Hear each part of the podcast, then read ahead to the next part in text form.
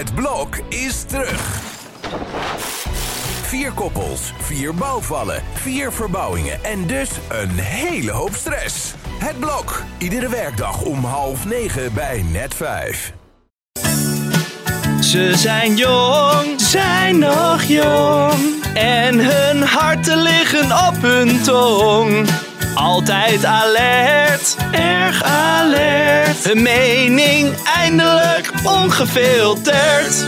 Dit is Ongefilterd met Kitty en Elif. Ja, Kitty, welkom terug in het land van de levenden. Ja, we waren er even niet. Uh, en dat was omdat ik um, ziek was. Ik had griep. Of corona, dat weten we niet. nou, ik ben wel gevaccineerd. Dus de kans dat ik corona, corona had en daar zo ziek van was, dan uh, dat, die kans is niet heel groot. Ja, ik had volgens mij gewoon een ouderwetse griep te pakken. Dus um, is ook wel weer lekker een keer, toch? Een keertje griep. Ja, maar ja. dat is natuurlijk omdat nu houdt niemand meer afstand en zo. Dus dan komen al die oude ziektes ook Jij gaat ook weer gewoon direct gewoon neer in de eerste ja. week dat de afstand. Uh, het duurde wel echt lang. Nou, griep duurt dus ook heel lang. Dus iedereen zegt altijd: ik heb griep. En dan um, bedoelen ze gewoon: ik heb een zware verkoudheid. Maar als je echt griep hebt, wat ik dus had, dan ben je dus echt tien dagen of zo gewoon. Uh, ja, dan lig je er echt af. En de laatste keer dat ik dat had gehad, was op zo'n manier was echt, uh, denk ik, uh, 14 jaar geleden of zo. Dus um, ja, maar goed, nu kan ik er weer even 14 jaar tegenaan. Goed zo. We gaan het vandaag hebben over uh, incels. en dat zijn seksueel gefrustreerde mannen die in online communities zitten. Maar daar over later meer. Want eerst willen we weten van Elif, waar heb je aan geërgerd? Je hebt een hele maand gehad, dus ik ben heel benieuwd wat er nu komt.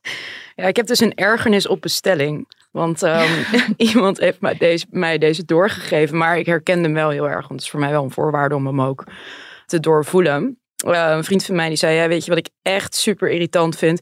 Mensen die de hele tijd in elke zin het woord letterlijk gebruiken of oprecht. Zo van, ik heb letterlijk net een slok koffie genomen. Oké, die klopt dan toevallig wel, want dat heb ik letterlijk net gedaan. Maar dat je zegt, ja, ik ging echt letterlijk dood van het lachen. Of ik snap oprecht niet waarom dit en dat zo is. Ik denk van, oké, ben je dan normaal gesproken niet oprecht? En voordat jij hier iets over zegt, ik weet dat ik het zelf ook doe, maar dat maakt het eigenlijk alleen nog maar nog irritanter. Ja, ik gebruik oprecht, gebruik ik ook vaak. Ja, mij. maar dat is dus een heel raar tussenwoordje, ja. want je bent altijd ga ik vanuit. Als je iets zegt, ben je altijd oprecht. Ja, maar uh, letterlijk komt gewoon natuurlijk al, al die dingen ook als zeg maar en zo. Allemaal uit het Amerikaans. Ja, verschrikkelijk. Ja, ja, want literally, dat is het ook. Maar dat is dus echt. Ja. Maar heel veel, het wordt niet inderdaad letterlijk bedoeld. Dat ja. is heel irritant eraan. Maar weet je wat ik wel een gemis vind? Want uh, over uh, Engels gesproken. Ik vind het heel jammer dat wij niet een equivalent van basically hebben. Want dat vind ik dus wel een woord wat heel veel zou kunnen toevoegen. Zeg maar, eh, begrijp je wat ik bedoel? Ja, in de basis. Ja, maar dat, dat pakt gewoon niet lekker. Nee, dat is waar.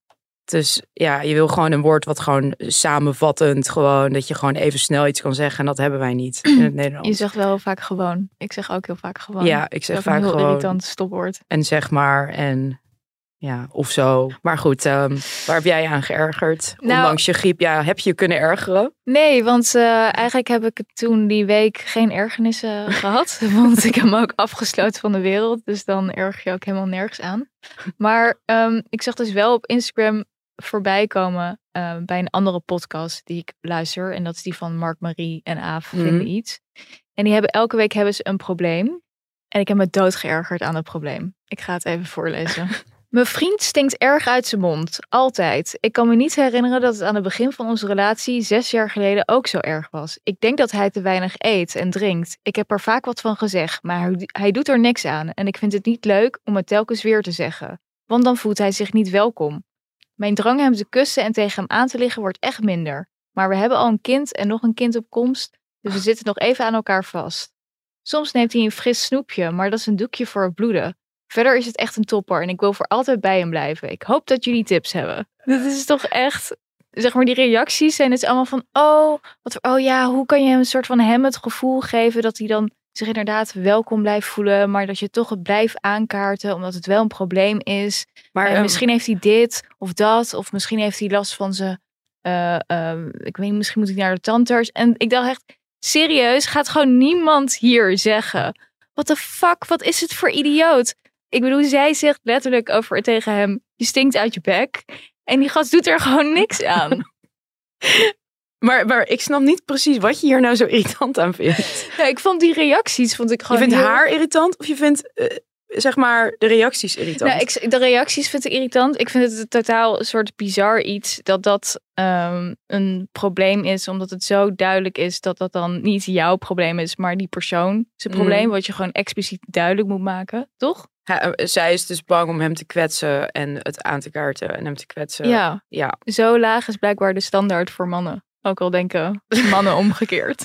Waar we het zo meteen over gaan het hebben. gaat wel goed, goed samen met ons hoofdonderwerp, ja. Oké, we gaan het vandaag hebben over eh, incels. Dat zijn involuntary celibates, eh, dus onvrijwillige celibaten. Ja, dat zijn afgelopen jaren ehm, zijn er een paar keer incels in het nieuws gekomen. Ehm, de OG van de incels eh, is Elliot Roger. Ehm, en dat is een jongen die in ehm Californië in 2014 een slagpartij heeft aangericht. En voor zijn aanslag, toen postte hij een video met dat hij op zijn 22 was en nog steeds maagd is en nog nooit een meisje zelfs heeft gekust. Eh, en dat hij vrouwen gaat straffen voor het feit dat ze niet tot hem aangetrokken voelen. Hi, Elliot Roger here. Well, this is my last video. It all has to come to this. Tomorrow is the day of retribution. The day in which I will have my revenge against humanity, against all of you. For the last eight years of my life, ever since I've hit puberty, I've been forced to endure an existence of loneliness, rejection, and unfulfilled desires, all because girls have never been attracted to me. You girls have never been attracted to me. I don't know why you girls aren't attracted to me, but I will punish you all for it. It's an injustice, a crime, because I don't know what you don't see in me. I'm the perfect guy. On the day of retribution, I am going to enter the hottest sorority house of UCSB, and I will slaughter every single spoiled, stuck up, blonde slut I see inside there. All those girls that I've desired so much, they would have all rejected me and looked down upon me as an inferior man if I ever made a sexual advance towards them. Girls gave their affection and sex and love to other men, but never to me. En hij heeft een manifest achtergelaten van 137 pagina's. Eh, dat heet My Twisted World. Dat hebben Edith en ik eh, helemaal lekker gelezen Ja. afgelopen weekend. Het is gezellige zondagavondlectuur. Ja. En hij is niet de enige. Hij is een inspiratie geweest voor andere eh incels. Jake Davison in, in Engeland. Die heeft vijf mensen doodgeschoten. En Alec Minassian in Toronto. Dus het is een soort online eh, community. Niet alle incels zijn zo radicaal. Eh, maar ze zijn wel geradicaliseerd online. Veel van die online communities zitten vaak op, op fora als 4chan en eh, Reddit en dat soort dingen. Ja, en dat Vaak- wordt wel de manosfeer genoemd. Ja, dus Ja. ja, ja de, de dus online sfeer van, van nou ja, eh, afgewezen mannen, zeg maar. En Elliot Roger wordt heel erg op het schild gehezen door, eh, door al die gasten. Dus het is echt een soort, ja, die is echt een soort heilig verklaard, een soort martelaar van de, van de incels. Ook allemaal van die memes dat hij dan eh, ja, als een soort heilige wordt, eh, wordt neergezet en zo. En, Saint, Saint Roger. ja, precies. En eh, eigenlijk als een soort ja, revolutionair van de incels wordt gezien.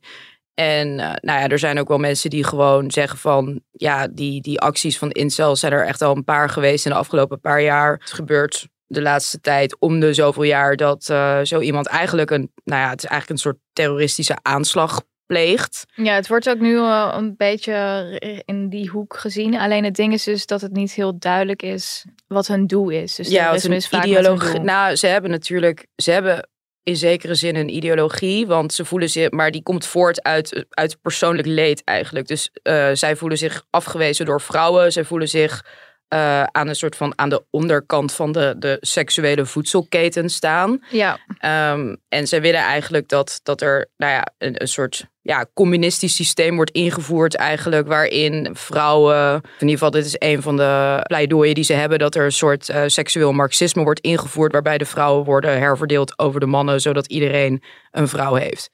ja. en eh, hoe ze de dus verder opdelen is dus dat je mm, de mannen die bovenaan de, eh, aan de seksuele voedselketen staan, die worden chats genoemd. En dat zijn dus mannen ook met, het, gaat, het is heel erg gericht op uiterlijk. Ja, Dus mannen die dus een bepaalde botstructuur hebben. Eh, dus zeg maar de brede Brad- kaaklijn. Ja, dus de Brad Pitt moet je een beetje denken aan de stoere jongens eh, op zeg maar zo'n Ja. in een Amerikaanse high school film. Ja, Chad is natuurlijk ook echt zo'n jock-naam, zeg maar. Ja. Zo'n, zeg maar, je hebt Chad voor mannen en heb je Stacy voor vrouwen. Dat is ook ja, echt dat zijn dan de aantrekkelijke vrouwen. Die ja, zijn Stacey. cheerleader types. Ja, en ze willen eigenlijk de, eh, de incels willen de Stacy's. Dat is het. Ja, en dan heb je de, de soort van eh, niet of minder aantrekkelijke mensen. En die heten dan, de, de, voor meisjes is dat dan Becky.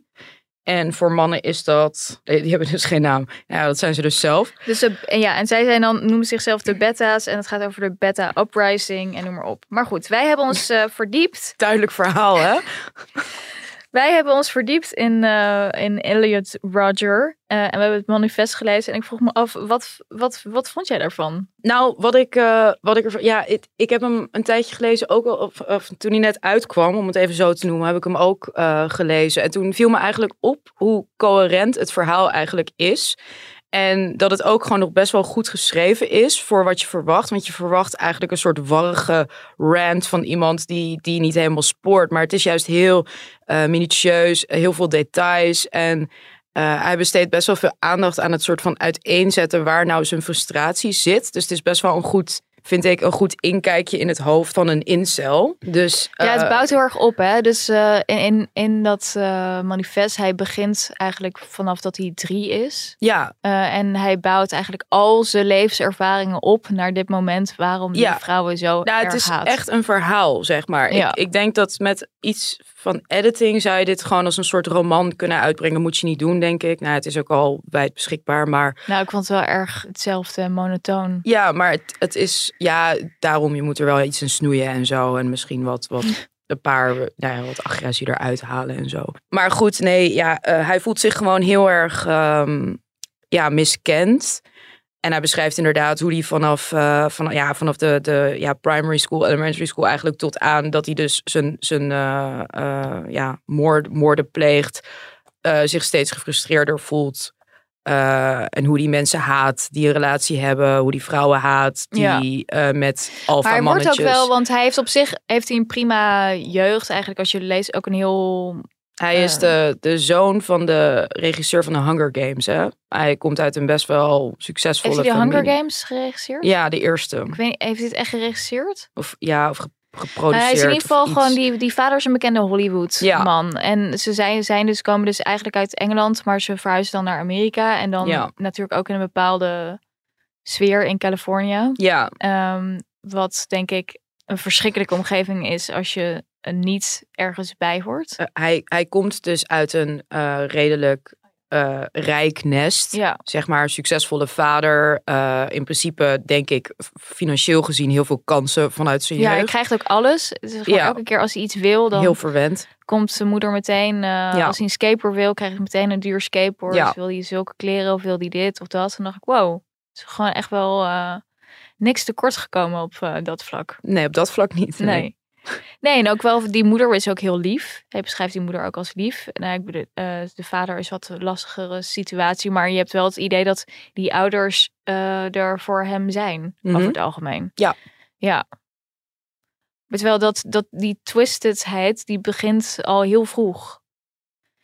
Want in het begin heeft hij al dat, dat gewoon maar, misschien goed, het is misschien later geschreven, dus dan is het met de blik terug. Maar je hebt wel het idee van, oh ja, echt in zijn vroege jeugd komt er al heel erg snel dat gevoel dat hij miskend wordt door Ja. de wereld. Ja, Ja, dat hij eh, niet populair genoeg is. Nou ja, het, het zijn natuurlijk problemen waar heel veel mensen mee, eh, eh, mee worstelen als kind en als puber. Maar bij hem neemt het wel echt ziekelijke vormen aan. ja maar hij wordt ook wel echt gewoon serieus eh, gepest op een gegeven moment. Dat zijn natuurlijk wel echt dingen die heel schadelijk zijn. Ja, Maar goed, zij hebben dus ehm, het gevoel van ik ben niet onderdeel van de seksuele ehm, marktplaats eigenlijk. Mhm. En eh, er zijn dus mannen aan de onderkant die in deze Tinder-samenleving, ehm, die dus alle vrouwen krijgen. We, hebben, eh, we keken ook een eh, docu en er zat ook een jongen in die dus vertelde over iets van 80% van de vrouwen op Tinder. ehm, of 80% van de mannen zijn oninteressant voor vrouwen op Tinder. Dus vrouwen zitten eigenlijk alleen maar op die bovenste 20%. ja, En alle, dus eh, nou ja, daar zien zij zichzelf als onderdeel van. Dan alle beta's, die zitten dus, ja, die blijven dus sex deprived achter heel veel. Terwijl eh, dus de Stacy's, die ehm, kiezen, zijn dus allemaal uit. En ook de Stacy's, ook de Becky's, die zijn dus allemaal uit op een bepaalde top van ja. ehm, de mannen, dus de Ja. alpha mannen. Ehm, maar denk je dat er iets in zit dat dat dan dat dat zo is in, in de huidige samenleving dat dat een, een probleem is waar te weinig oog voor is? Ehm, nou, ik denk dat het feitelijk wel klopt wat, ze, wat zij voelen. Dat dus dat, dat vrouwen eh, ook vanwege emancipatie en zo veel meer de keuze hebben om zelf eh, te kiezen met wie ze seks hebben, met wie ze relaties hebben. En dat er een heel groot deel van de mannen is wat daaronder leidt of daardoor eigenlijk achter het net vist. Dat, dat geloof ik wel. Eh, alleen hun vertaling daarvan is heel erg niet zelfreflectief, zeg maar. Dus, dus zij hebben eigenlijk het idee van ze zijn heel erg entitled. Ze hebben recht op een vrouw of ook op de vrouw die zij dan willen, zeg maar. Dus het is een heel soort van wereldvreemde eh, benadering in, waarbij ze dus niet naar zichzelf kijken en alleen maar in een soort ultra-slachtofferrol zitten. eh, zonder enige zelfreflectie van ja, maar ik, ik heb gewoon recht op die ene vrouw. En die ene vrouw wil alleen maar met zo'n Chad daten, zeg maar. Ja, en daarom is een hoer en moet ze afgeslacht Ja, worden. precies. Dus, dus eh, het begint wel met een feitelijk iets, maar het eindigt in een soort totaal dystopisch gestoorde eh, gedachtegang. Ik las ook over die Ellen Roger, want er staan dus heel veel namen ook in dat manifest. En het is Ja. dus super interessant om dat ook te googlen en zo. En dus die vrienden die worden genoemd. En die hebben natuurlijk een hele andere lezing van de gebeurtenissen die daarin in zitten. En een van die mensen die zei dus ook van... Ik heb hem dus wel eens advies gegeven van... Misschien moet je een keer eh, iets aardigs zeggen tegen een meisje. Of misschien moet je überhaupt een keer iets tegen een meisje zeggen. Die jongen die had hem dus inderdaad geadviseerd. En toen ehm, vroeg hij daarna aan hem van... En, heb je dat gedaan? Is het gelukt? En toen zei die Elliot Roger dus van... eh, nee, ik heb het niet gedaan. Want waarom moet ik dat doen? Waarom moet ik een compliment geven? Waarom geven ze mij geen compliment? Ja, ja. En ja, dat, dat vind ik wel interessant. Want als je dan zeg maar kijkt naar... Ja, dan, dan verwacht je dus eigenlijk dat eh, ja, mannen zich... Ja, dat, dat, is echt, dat is echt vanuit entitlement. Van Mhm. ik moet gezien worden op een bepaalde manier.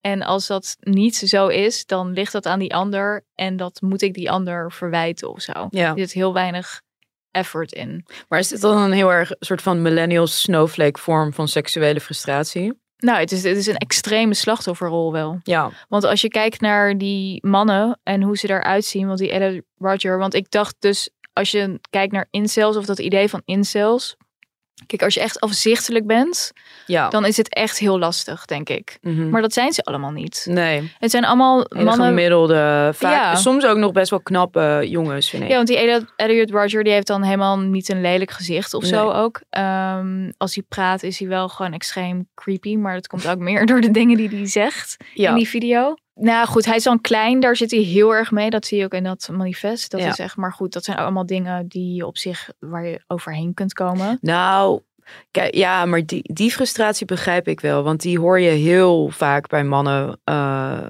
voor, zeg maar kleine mannen, ook in Nederland. Vooral als ze allochtone mannen zijn natuurlijk vaak niet zo lang. Eh, dat is wel echt een, een probleem. Daar kan je ook echt niks aan doen. Zeg maar, al het andere kan je, zeg maar, je, je, je gedrag en zo, daar kan je wat aan doen. Maar zijn moeder is Maleisisch-Chinees.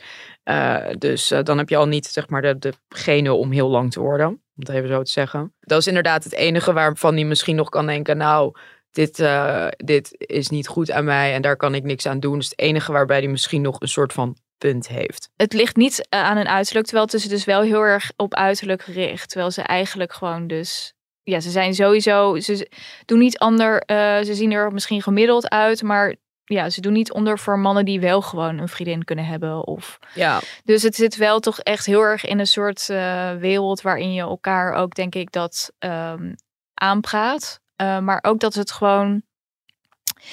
Ja, ik weet niet. Maar kijk, het is natuurlijk heel lastig als je gewoon de skills niet hebt om bijvoorbeeld inderdaad te durven met iemand te praten. Of om dat soort dingen. Dat je gewoon, ja, als je 22, want die Elliot Roger is dan 22, die heeft nog nooit een meisje gekust. Dat is natuurlijk wel ja. gewoon best wel extreem in Ehm, deze tijd. Ja, dat is ook wel, eh, dat, dat is ook wel eh, sneu. Alleen als je dan hoort van, ja, hij doet er niks aan en hij durft bij wijze van spreken niet eens met een meisje te praten, dan is het natuurlijk ook niet zo raar. Maar wat ik ook wel eh, opmerkelijk vind eraan, dat zie je ook bij heel veel van die jongens, is dat ze zichzelf dus zien als een soort van nice guy. En die, de jongens waarmee vrouwen dus wel relatie hebben, dat- die noemen ze dan assholes. Omdat Ja. zij zeg maar dan via gewoon slecht gedrag dan vrouwen zouden krijgen en zo. Maar dat, dat vind ik dus een heel goed voorbeeld van wat ik net zei. Van die mensen, die jongens hebben dus geen zelfreflectie. Want ja, die en vinden zichzelf. dus. Ja, die vinden zichzelf dus een soort van hele goede, goede jongen.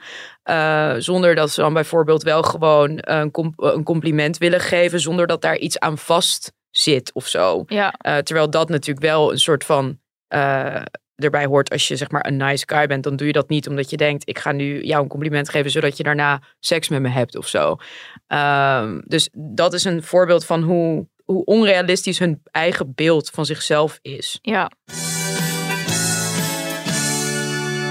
We hebben dus ook een docu gekeken over incels van de BBC. Ehm, en daar zit dus ook een man in. En die gaat dan wraak nemen online op eh, de vrouwen die hem ehm, niet willen, denkt hij bij voorbaat. Hij heeft zijn catfish profiel gemaakt met dus foto's van een model. Ja, Van een mannelijk Tinder. model. Eh, en dan gaat die vrouwen zeg maar beten en dan spreekt hij met die vrouwen af. En dan gaat hij ze dus helemaal vernederen en zeggen dat ze dik zijn. En achtervolgen met een camera. filmen. Ja, Ja. echt doodeng. En deze gast denkt dus ook van zichzelf dat hij een nice guy is. Ja, ja hij is, eh, maar het is echt een hele, hele enge eh, jongen. Hij heeft dus ook een soort in de docu, omdat hij dus blijkbaar niet herkenbaar in beeld wil, wat ik ook wel begrijp. Hij noemt zichzelf dus de Catfish Man. En dan heeft hij een masker op. eh, Een soort mondkapje waarbij je zijn mond nog wel ziet, zeg maar. En dan, eh, dan gaat hij dus achter die vrouw en dan gaat hij ze inderdaad helemaal voor rot schelden. Ja. Van hoe durf je met, eh, met een, een modeljongen af te spreken? Je bent Ja. super oppervlakkig. So ugly. Well, you think you deserve him? Huh? Fucking fat ass bitch! Got catfish! I don't think anybody could do it when you know if they don't know how to approach a female or have that type of low inhibition. Cause he's good looking and you wanna get down with him, so, ooh, wanna fucking lick your pussy? You're mad cause you guys got catfish, bitch. This is her, you know, her own defense mechanism, her own aggression, because the guy's not good looking. Ew, he's so fucking fat. Look at that shit. so fat. Holy. I wasn't a good looking guy. She treated me like shit, basically. It just seems like it's not fair just because, you know, just because the guy's good looking, she's willing to have sex with the guy. I just don't think that's fair, man. je bent shallow, je bent dik, nou, al- allemaal van die dingen. En dat gaat hij dan filmen en hij moet er zo hard om lachen zelf. Dat je echt denkt van dit is gewoon echt dood. En je moet blij zijn dat hij dus die vrouw niet afslacht, denk ik dan bijna. Maar dit is op een psychologisch niveau ook gewoon echt wel heel erg. Maar hij haalt dus ook up. die eh, Elliot Roger aan. En dan zegt hij dus van, ja, dat is logisch. Dat krijg je als mannen geen eh, Ja. seks krijgen. Van oké, dus je moet het dan Ja, accepteren van dit is wat mannen doen als ze geen als ze seks geen krijgen. seks krijgen. Maar ja. het is ook wat, wat ik ook opvallend vind, is er wordt heel erg eh, natuurlijk gedacht van, oh, dit is iets van deze tijd. Terwijl, ehm, kijk, zij hebben denk ik een soort ideaal van in de jaren 50 of zo misschien, of een soort echt eh, een, een patriarchale structuur Mm. waarin in iedereen een soort vrouwtje kreeg toegewezen en dan was iedereen gelukkig. Ja. Ehm, en dan eigenlijk alles in de samenleving was ingericht op de noden van mannen. Nou, dat is niet, niet meer zo. Maar ik vraag me af, als je dan kijkt bijvoorbeeld eh 100 jaar geleden. Ja, er wordt gedaan alsof dat echt iets van deze tijd is. Dat ehm, dan mensen seksdeprived zijn. Maar als je 100 jaar geleden als een of andere ehm, in, in, in zeg maar klassenmaatschappij, wat alle eh, maatschappijen destijds waren voor een groot gedeelte, ehm, als ehm, eh, servant of zo ergens werkte, dan, dan is het ook helemaal niet vanzelfsprekend dat je een huwelijk kreeg of überhaupt seks had of toegang had tot dat soort dingen. ja. Dus er wordt heel erg gedaan van, oh ja, dit is iets van deze tijd. Alleen maar nu heb je mensen die niet mee kunnen doen eh, aan, aan zeg maar de seksuele marktplaats. Maar dat heb je natuurlijk altijd gehad. Maar Ja. dan in, een, in andere omstandigheden. Dus niet omdat ze dus eh, niet zelf die eh, toegang of zo voor zichzelf Ja, konden krijgen. Nou, maar ik- omdat ze gewoon uitgesloten waren op allerlei, allerlei andere soorten gronden. Ja, maar ik denk dat dat ook hier het grootste probleem is. Dat dit natuurlijk een maatschappij is waarbij al je successen aan jezelf aan te rekenen zijn, zeg maar. Oh ja. En zij, als het gewoon zo is, dan is het zo. Maar zij, zij weten ook van je leeft in een wereld waarbij je er in principe iets aan moet kunnen doen. Ja. En, en zij gaan het dan dus externaliseren naar ja, het is de schuld van die vrouw of het is de schuld van die mannen en zo. Zodat ze dus niet hoeven te erkennen dat het misschien ook aan, aan hen zelf ligt. ja, en Dus ik daarom, denk dat dat wel een groot verschil is met, met vroeger. Als je dan een servant was, dan was het van... Ja, je komt daar ook niet uit of zo dan. ja, In, een, in een echte klassenmaatschappij. Dus ja, en daarom willen ze dus de radicale soort van up- beta-uprising, waarin ja, vrouwen weer ehm, worden gedwongen. Ja, die Elliot Rodger is heel extreem. Die heeft het over dat hij vrouwen in concentratiekamp wil stoppen en zo. Laten we het er anders even over hebben met Bram Bakker. Die is eh, psychiater. We hebben voor deze keer ehm, zijn, wijken we af van onze huispsychiater Esther van Venema. omdat het ons leuk leek om met een man hierover te praten. En, sorry eh, Esther. Sorry Esther. Ehm, en hij heeft ook eh, ja, wel eens geschreven over seks. En ik denk dat hij ons iets kan vertellen over wat seksuele frustratie met mannen doet. Dus laten we hem even bellen. Dit is de receptie van Ongefilterd met Kitty en Elif. Ik verbind u door. Hoi Bram, Hallo Bram. met eh, Kitty en Elif. Ja, hoi. Hoi. Ehm, ja, we hebben het vandaag over incels. En ehm, we dachten, jij kunt, kunt ons vast meer vertellen over wat seksuele frustratie met mannen kan doen. Nou ja, veel. Maar dat, wisten jullie ook al. We hadden wel zo'n vermoeden, ja. Ja. Nee, kijk, je, je, je krijgt het veel meer te zien en te lezen met die sociale media. Maar het is natuurlijk van alle tijden. Dus en, en, en, en op wat voor manier kwam dat dan tot uiting? Nou ja, het is, het is natuurlijk een bron, van, eh, een bron van agressie ook. Frustratie die zich kan uiten in agressie. En ik weet, ik weet niet of er echt wetenschappelijk onderzoek is. Maar je ziet bijvoorbeeld bij die, eh, bij die shootings op, op die high schools. Dat, dat zijn ook vaak van, van dit type jongens. Ja. Ja, wij hebben het dan specifiek over incels. Dus mannen die echt Ja. ook expliciet zeggen van de reden waarom ik ben geradicaliseerd is omdat ik geen seks krijg in deze maatschappij. Maar is dat Ja. iets typisch inderdaad voor eh, deze tijd dat mensen dat zo expliciet maken? Of is er altijd wel gewoon, heb je altijd dit soort mannen gehad die eigenlijk niet aan hun trekken konden komen? Je hebt ze altijd gehad. Maar het is van deze tijd dat het zo expliciet wordt. Ja, En Dat is, dat is natuurlijk Tinder. Hmm. Eh, want iedereen maakt daar behoefte aan seks kenbaar. Eh, laagdrempelig en publiekelijk. ja, En ik denk ook dat het een reactie daarop is. Dat dus de mannen die daar, die daar niet aan bod komen. Dat die zich ook gaan uiten. Ja, want er wordt wel eens gezegd ehm, ehm, dat, of tenminste dat is wat de incels eh, zeggen van ehm, eh, vrouwen, voor, bijvoorbeeld op Tinder, dan vrouwen zijn uit op 20% van de mannen en de 80% die laten ze gewoon volledig links liggen. Terwijl mannen dus veel bredere interesse hebben in verschillende soorten vrouwen en dat dat heel veel frustraties oplevert. Hoe, hoe kijk jij daarnaar? Nou ja, kijk, we leven in een tijd dat je buitengewoon voorzichtig moet zijn met, eh, met je uiten in clichés. Maar evolutionair gezien is er natuurlijk toch echt wel iets voor te zeggen dat, dat mannen meer naar buiten en op voortplanting gericht zijn dan vrouwen die meer eh, aan, aan, aan de binnenkant voor de kinderen zorgen. En dat is een vreselijk cliché, maar ja, dat is altijd met clichés. Er is vaak toch iets van waar. Ik, ik gun iedere vrouw volledige seksuele vrijheid en, en ook iedere man het eh, om dat niet na te jagen. Maar dat, dat zit natuurlijk heel diep ingeslepen, die clichés. Dat is net, net als eh, blauwe jongetjeskleding voor baby's en roze voor meisjes. Je kan wel zeggen, we doen het niet meer, maar we hebben het over patronen die eeuwen oud zijn. En die, ehm, eh, die frustratie van die, eh, van die jongens, is dat, v- vind jij dat ergens ook terecht? Dat zij zich op die manier uiten? Nou ja, iedereen mag zich over alles uiten wat mij betreft. De, de vraag is alleen, schiet je er wat mee op? En daar heb ik, daar heb ik zwaar mijn twijfels bij. Want ik geloof niet dat er heel aantrekkelijke eh, vrouwelijke verpleegkundigen dan die jongens gaan benaderen en zeggen, dan doe ik het wel met je. Maar wat Ja. zou jij, stel je voor, zo iemand komt bij jou in de praktijk. Wat zou je diegene aanraden? Die aan het kortste eind trekt op de Nou, seksuele marktplaats. Nou ja, de, de vraag is, waar is het je om te doen? Seks? In de, in, in, in, in de meer porno-achtige betekenis? Of, of wil je liefde en, en verbinding en, en samen zijn, inclusief eh, fysieke liefde? Ik denk dat de meeste mensen, kijk, eh, een keer een avond met iemand het bed induiken, dat vinden mannen en vrouwen op zijn tijd leuk. Althans, veel mannen en veel vrouwen. Maar daar is het natuurlijk op lange termijn bij de meeste mensen niet om te doen. Het wordt, het wordt ook best wel treurig als je dat 20 of 30 of 100 keer gedaan hebt. Dus de meeste mensen zoeken toch iets anders. Ja. En, en dat is ook precies een beetje het onderscheid tussen mensen en, eh, en apen. Wij, wij, wij zoeken in relaties behalve seks ook nog iets duurzaams. Maar hoe ga je dan, oh ja, maar wat, wat nou als, als dat dan niet lukt? Als je daar geen toegang tot hebt? Als je zo'n man bent die, eh, die ja, zich niet eh, gezien voelt door vrouwen? Nou ja, ik denk dat het belangrijk is om dan te expliciteren waar het je nou om te doen is. Eh, als je het helemaal plat slaat en, je wilt echt gewoon alleen maar seks met een vrouw.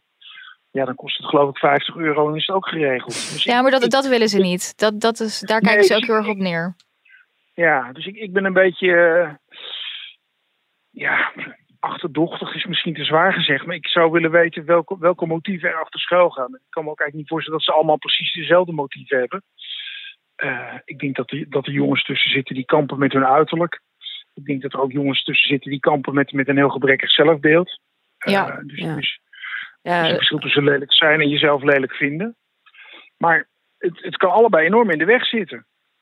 Ja, de gemene deler is wel vaak volgens mij dat ze zich allemaal heel erg afgewezen voelen door, eh, ja, door hun, hun sociale peer group, zeg maar, en dan vooral door vrouwen.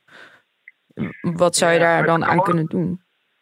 Nee, het, het kan ook weer alles te maken hebben met sociale vaardigheden. Kijk, Tin- Tinder is een vrij lont medium. Ehm, maar je zou ook een beetje kunnen gaan oefenen om, om, om jezelf op een wat prettige manier in contact te brengen met vrouwen. Waar- Waarna veel vrouwen denk ik toch anders op je reageren dan wanneer je zegt ik moet neuken. Dat zijn niet skills die je zelf niet zou kunnen aanleren om toegang te krijgen tot een relatie of liefde. Nou ja, ik denk dat het met het laagdrempeliger worden, eh, dat, dat ook de frustratie in de hand werkt. En, eh, Ik ben een oude lul, maar in, in mijn tijd moest je gewoon toch iets meer je best doen. Bloemetje meenemen en zo. In het, in, in het bed te krijgen, ja. Dus ehm, dan was je toch ook minder snel gefrustreerd. Want, want je wist gewoon dat het, dat het ook een beetje werken was. Ja, en dat het er ook gewoon soms gewoon helemaal niet in zat. Nee, maar dat, dat draagt bij aan het leerproces. Hè? Dus Ja. ik, ik, ik, heb, ik heb natuurlijk wel in mijn werk eh, met dit soort mensen van doen. En het belangrijkste wat ik ze meegeef is dat, dat, dat je ook van het blauwtje lopen iets kan leren. Dus eh, blijf het verkennen, blijf het onderzoeken. Ja, maar Ja. goed, zij leren dan gewoon dat die vrouwen eh, hoeren zijn. Die moeten worden afgeslacht. Ja, maar goed, da- da- daar, daar haak ik af. Dus ik vind dat zo. Ja, Nou, gelukkig. het enige wat je in dit leven kan doen is je eigen aandeel nemen. En, Ja. en dan kun je wel alle vrouwen verschrikkelijk vinden, maar ja, waarom wil je er dan mee naar bed? Kom op. Nou, dankjewel, Bram. Dankjewel. Graag gedaan. Er zijn inderdaad mannen die dan ja, snel verwachten van dit is een mooie vrouw en deze man kan meteen seks hebben met haar als Ja, hij dat wil. En ik wil dat ook. Maar dat is helemaal niet vanzelfsprekend of zo. En dat was 100 jaar geleden ook niet vanzelfsprekend. En 50 jaar geleden ook niet. ja. En het is eigenlijk vanzelfsprekender, want nu kun je dus zelfs als je uit je mond stinkt, ehm, Een vrouw bezwangeren. een vrouw bezwangeren. En dat vindt iedereen de normaalste zaak van de wereld. Dat je daar dan helemaal, Het ja, echt heel erg dors, hè, dit. wat? dat het dan de normaalste zaak van de wereld is, inderdaad. Dat je dan ehm, daar weigert iets aan te doen. en dat dat dan een iemands anders probleem wordt. Ja, zo laag is het standaard. Ja, maar dat, dat is, ik denk dat dat ook wel een beetje de algemene conclusie is. Van er worden allemaal problemen die van mensen zelf zijn, worden andere mensen hun problemen gemaakt. Ja. Dat is met die incels eigenlijk ook zo. Ehm, Ja, al kan het natuurlijk wel, kijk, je, als je zelfbeeld wordt vernietigd omdat je heel lang bent gepest en noem maar op. Dat is natuurlijk ook wel, denk ik, lastig om daar overheen te komen. Ja, dat is zo. Maar dat, ja, er zijn heel veel dingen lastig in het leven. En dat is niet een reden om mensen eh, met een bestelbusje omver te rijden. Dus Dat is waar. vind ik Dat met- vind ik een heel goed punt. Dankjewel. Goed, maar zullen we het even hebben over de, eh, ja, de, de arthouse film die je mij gisteren eh, hebt laten zien? In voorbereiding voor deze podcast. Ja, want we gaan het hebben over ehm, een beetje in hetzelfde thema. Over de film van eh, Kira, Keeping It Real Art Critics. Ehm, misschien goed om even uit te leggen dat zij ehm, een collectief zijn die eh, films maken. Die vaak heel amusant zijn en geestig eh, met kritiek Ja. op de kunstwereld. En ze zijn een keer volgens mij in de Volkskrant de poont van de kunstwereld genoemd. Dus dat laat een beetje zien qua soort stijl, hoe ze te werk Ja. gaan. Gewoon redelijk met gestrekt been erin. Vrij absurdistisch ook. Ehm, en ze hebben dus een nieuwe film gemaakt waar eh, ophef over is. Hashtag ophef. Eh, over, en daar speelt eh Sis Lucas in. En daar is, ehm, ze zijn begonnen met dat ehm, de hoofdrol, die de hoofdrol in deze ja, film speelt, dat is Genie. Nou, het is wel non-fictie, maar het loopt een beetje door elkaar heen in die film. Ehm, maar zij heeft een oproep gedaan op Geen Stel. eh, dat ze met reaguurders naar bed wil om de kloof te dichten tussen links Ja. en rechts. En zij zet zichzelf... Rechtse, vooral rechtse reageurders, hè? Want Ja. ze zegt ook, normaal heb ik altijd seks met GroenLinks jongens van de Ja. UvA. Eh, en dat is allemaal niet zo, eh, niet zo geweldig. Dus er zit ook een seksuele component aan. Niet alleen een idealistische om een kloof te dichten. Ginny studeert wijsbegeerte aan de Universiteit van Amsterdam.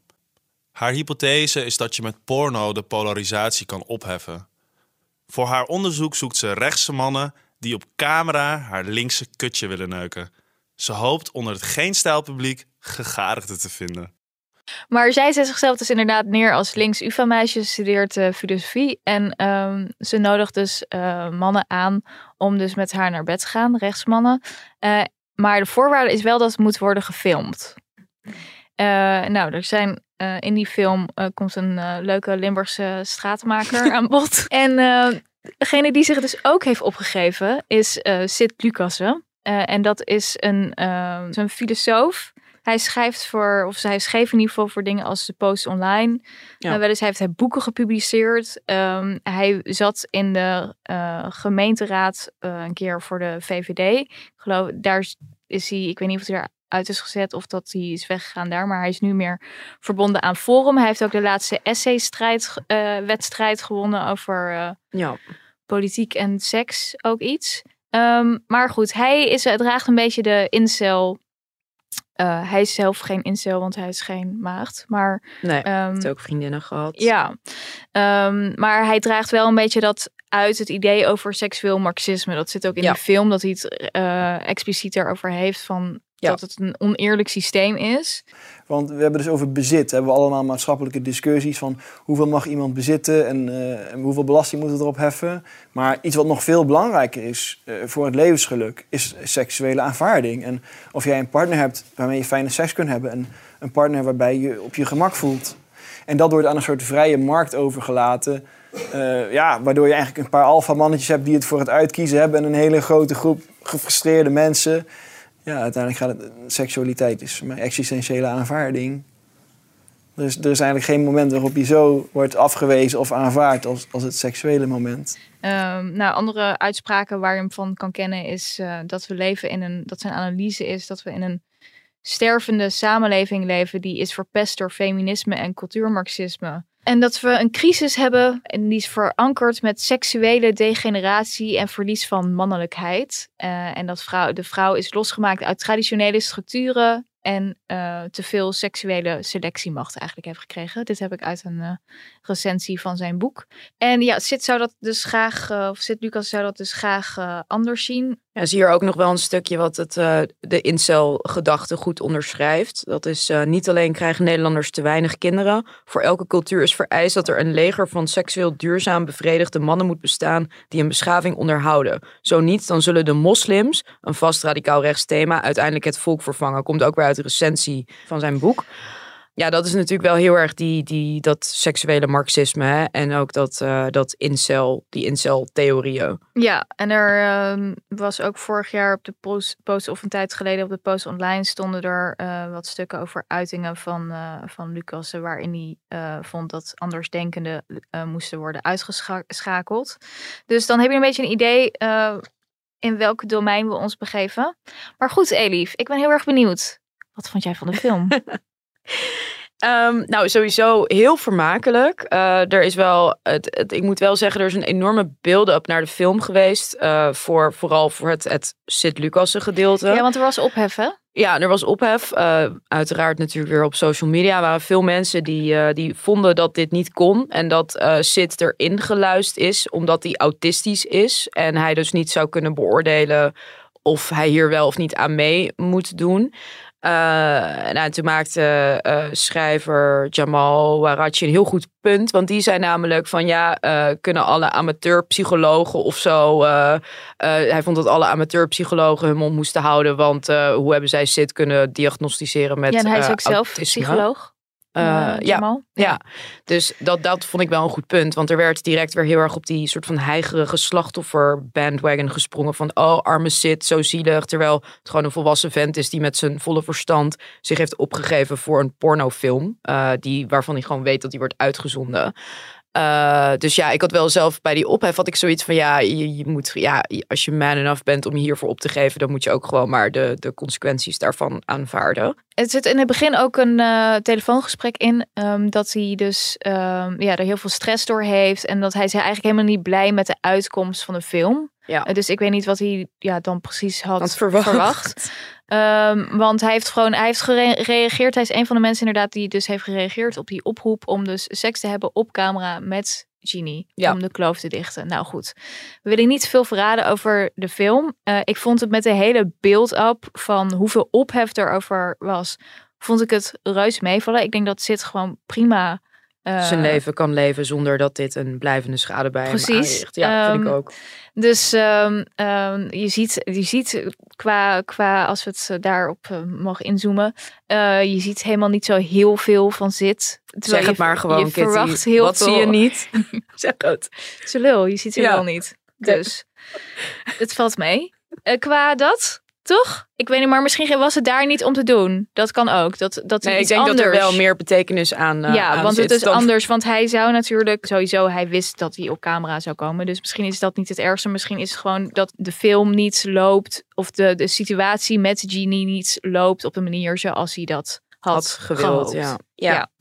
Eh, nou ja, en dat, eh, daarvan kan je zeggen, suck it up. Want hij zit ook heel erg op die soort van extreme acceptatie eigenlijk. Dat zegt hij ook zo Ja. expliciet. Van ik moet geaccepteerd worden op een... ehm, Ja. Ik wil geaccepteerd worden, dus niet Ja. voor wat ik doe of wat dan ook. En dan gaat het mis, want hij moet eigenlijk een cadeautje ne- meenemen. En dan neemt hij een cadeautje mee wat Ginny niet leuk vindt.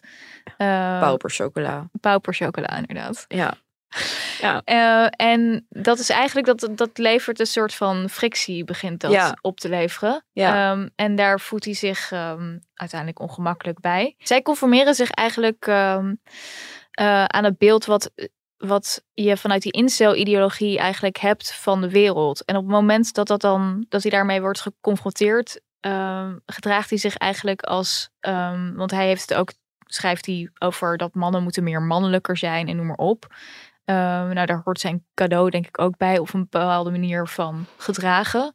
Eh, en daar gaat eigenlijk, ehm, ja, dat doet hij dan eigenlijk niet. Dus dan, dat is dan heel apart dat je dan die ideologie, dat je daar niet naar leeft en eigenlijk schikt op het moment dat je wordt geconfronteerd met ideeën waar je zelf al de hele tijd over schrijft. Want eh, hij ziet zichzelf denk ik een beetje als een soort Adonis. Ja, en, en eh, zeg maar, hij wordt dus ook, dat, dat zegt hij ook op een gegeven moment expliciet, dat hij zich niet geaccepteerd voelt. Ja. Dus dat hij eh, niet voor zeg maar face value wordt geaccepteerd van ik moet gewoon geaccepteerd worden zoals ik ben. Ja. Eh, en zij, zij, ben, zij benoemt dat dan ook, want zij zegt dan ook van ja, jij wil dat, maar van mij, zeg maar, ik moet me wel aanpassen voor wat jij dan wil en zo. Ja. En dat is natuurlijk wel precies die soort van incel-gedachte van oh ja, vrouwen moeten zich plooien naar wat ik wil en andersom werkt het niet zo. Ja, want en, en ze willen er ook heel weinig voor doen. Dus ze willen ook niet inderdaad Nee. dan eh, moeite doen of... eh, Nee, dus dan komt hij met pauperchocolaatjes aan. Ja, of bijvoorbeeld Ja. hun, hun tanden poetsen. Of, Ja, ja. Dus dat is een beetje zeg maar Mensen het, poets je tanden. Ik denk het punt het, is het leidende motief of zo in, in die, die incel. Dat zie je ook bij die Elliot Roger. Dat ze vinden maar de hele tijd dat ze recht hebben op een soort moederlijke, li- onvoorwaardelijke moederliefde van alle vrouwen op de wereld. En die Ja. moeten hun alles geven waar zij vinden dat ze recht op hebben. Maar in de grote mensenwereld heb je op heel weinig dingen recht. Eigenlijk En- helemaal niks. Precies. En is toch heel veel dingen moet je je voor inzetten. En is het te geven en nemen en transactioneel en zo. Ja. Ehm, en dat zie je dus eigenlijk ook een beetje in die film gebeuren. Dat dat misgaat. Toch? Ja. Ja, Dus dat, eh, Dat, ja, dat er meer wordt verwacht. En pas dan geef je iets. Terwijl Lucas eigenlijk verwacht dat er meteen iets wordt gegeven. Ja. Zonder daar echte moeite of zo voor te doen. kijk die film. Ja, hij eh, komt binnenkort volgens mij uit eh, in de Bali. Dus ehm, ga hem vooral bekijken. Eh, hij is, het is zeker een aanrader. Ja. Zullen we even lekker gaan haten?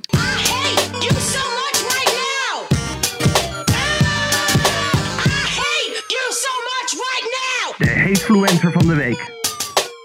Oké, eh, dit keer gaan we even een collega van ons in het haatzonnetje zetten. Want als dat kan, dan is dat natuurlijk hartstikke leuk. Eh, het gaat in dit geval om eh, onze collega Wilson, presentator bij de Telegraaf. Die tweette iets waar ik me zo ontzettend... Soms zijn die, die haattweets ook zo, of eigenlijk altijd, zijn zo therapeutisch. Hè? Dus hij tweet, twittert, net bij de bakker weer zo'n hoogopgeleide moeder... die keihard met haar kind praat, zodat iedereen dan spontaan iets van haar opvoeding mee moet krijgen. Dan wil ik bijna vragen, sprak u ook zo hard toen u het kind verwekte? Hashtag hou je waffelmens, je kind interesseert me niet. Nou, a fucking man. Toch? Ik snap precies wat hij bedoelt. Je hebt zo vaak van die mensen die dan heel hard gaan praten tegen hun kind in de openbare ruimte. Ja. En dan zie je ze ook naar je kijken van... Zie je, zie je hoe ik met mijn kind omga? Kijk hoe ik mijn kind opvoed. Ja. En dat je denkt, waar, waar doe je dit nou voor? Wil je mijn erkenning of wat wil je mijn goedkeuring voor hoe jij je kind opvoedt? Waarom? Ja, maar mensen met kinderen nemen sowieso heel veel ruimte in. Ja, dat is echt vreselijk hoor. Ook als, ze als ze met, een, met, die, met die buggies en zo, dan douwen ze je maar overal maar opzij en zo. Je moet maar altijd maar uit de weg voor mensen die met kinderen lopen overal. Verschrikkelijk. Nou, ik was dus laatst, toen ging ik 's ochtends eh, eh, vroeg, eh, liep ik zo ehm, eh, bij mij naar buiten. En het is best een redelijk, kan een drukke weg zijn. En toen liep er dus een vrouw midden op de weg, waar auto's rijden met haar kind Oh, aan ja. haar hand. En toen dacht ik echt, Ja. zucht. Gewoon zo, kijk mij even en iedereen moet voor mij uit de weg, want ik loop hier. Terwijl je kunt prima ook gewoon op de stoep lopen. Ik snap niet waarom je midden op de weg loopt. Ik weet niet, ik vond dat iets heel Ja. typisch. Ja. Ja, ook in de horeca. Dat je dan, Oh, ja. eh, eh, ik had ook een keer toen, was dan een kind een trap aan het opgaan in een horecatent, zaterdagmiddag, super druk. En toen moest ik dus gaan wachten tot dat kind in slakkentempo die trap op was. En toen dacht ik echt, mensen, het is zaterdagmiddag. En dan toen keek de vader me ook zo aan van, ja goed hè. En toen dacht ik, ja heel goed, leuk. Misschien kun je dit gewoon thuis doen. Ja, Ja, niet op een drukke zaterdagmiddag. En ook als je in de horeca werkt, is het ook mensen die hun kinderen maar laten rondrennen en noem maar op. En daar anderen mee. En als er dan thee over zo'n kind valt, is het jouw schuld. Ja, ja, ja. ja. Dus ja. Ja, nee, dat is echt, echt vreselijk. Maar ook ja, van die mensen die gewoon in de openbare ruimte dan maar verwachten dat hun kind door iedereen daar een soort van in de gaten wordt gehouden. Dat vind ik ook altijd zoiets. Van als ouders dan bijvoorbeeld in de horeca. Ik heb dat zelf wel eens gehad toen ik nog bij de zonnebank werkte. Toen kwam er zo'n moeder met echt een kind van nou, twee of drie of zo. Die kon net, net een beetje kruipen lopen. En die vroeg toen aan mij, ja, kan jij op mijn kind letten terwijl ik onder de zonnebank ga, zeg maar. En ik werkte daar en ik had echt zoiets van, ja, nou ja, je hebt daar allemaal metaal en allemaal dingen en, en zeg maar koffie en zo. En ik had echt zoiets van, ja, nee, dat ga ik gewoon niet doen. Ik ga toch niet op jouw kind passen? Dat is toch niet, dat doe je toch niet? Dat vraag je Nee. toch niet aan iemand? Iemand die gewoon aan het werk is ook. Hè? Ja, je bedoel- kunt niet opletten, want je moet werken. Nee, maar als dat kind van die trap afdondert, dan, Ja. ben ik, dan heb ik het gedaan. Hè? Ja. Ik denk van, hoe durf je die verantwoordelijkheid op andere mensen af te schuiven? Ik vind Ja. het echt asociaal. Ja. En dat doen mensen in de horeca dus ook heel vaak. Die kijken dan niet eens meer, omdat ze zoiets hebben van... er zitten zoveel mensen hier, dus iemand let wel op als er iets met mijn kind gebeurt. Dat vind ik echt heel raar. Ja. Eh, hou het gewoon, laat mensen met rust. Hou je kinderen bij je. Ja, Nou, met die ehm, vrolijke noot sluiten we af. Ehm, nou, was weer gezellig, Elie. ja, leuk. Ik ben blij dat je weer up and running bent. Yes, ik ook. Nou, tot de volgende keer. Ja, doei doei.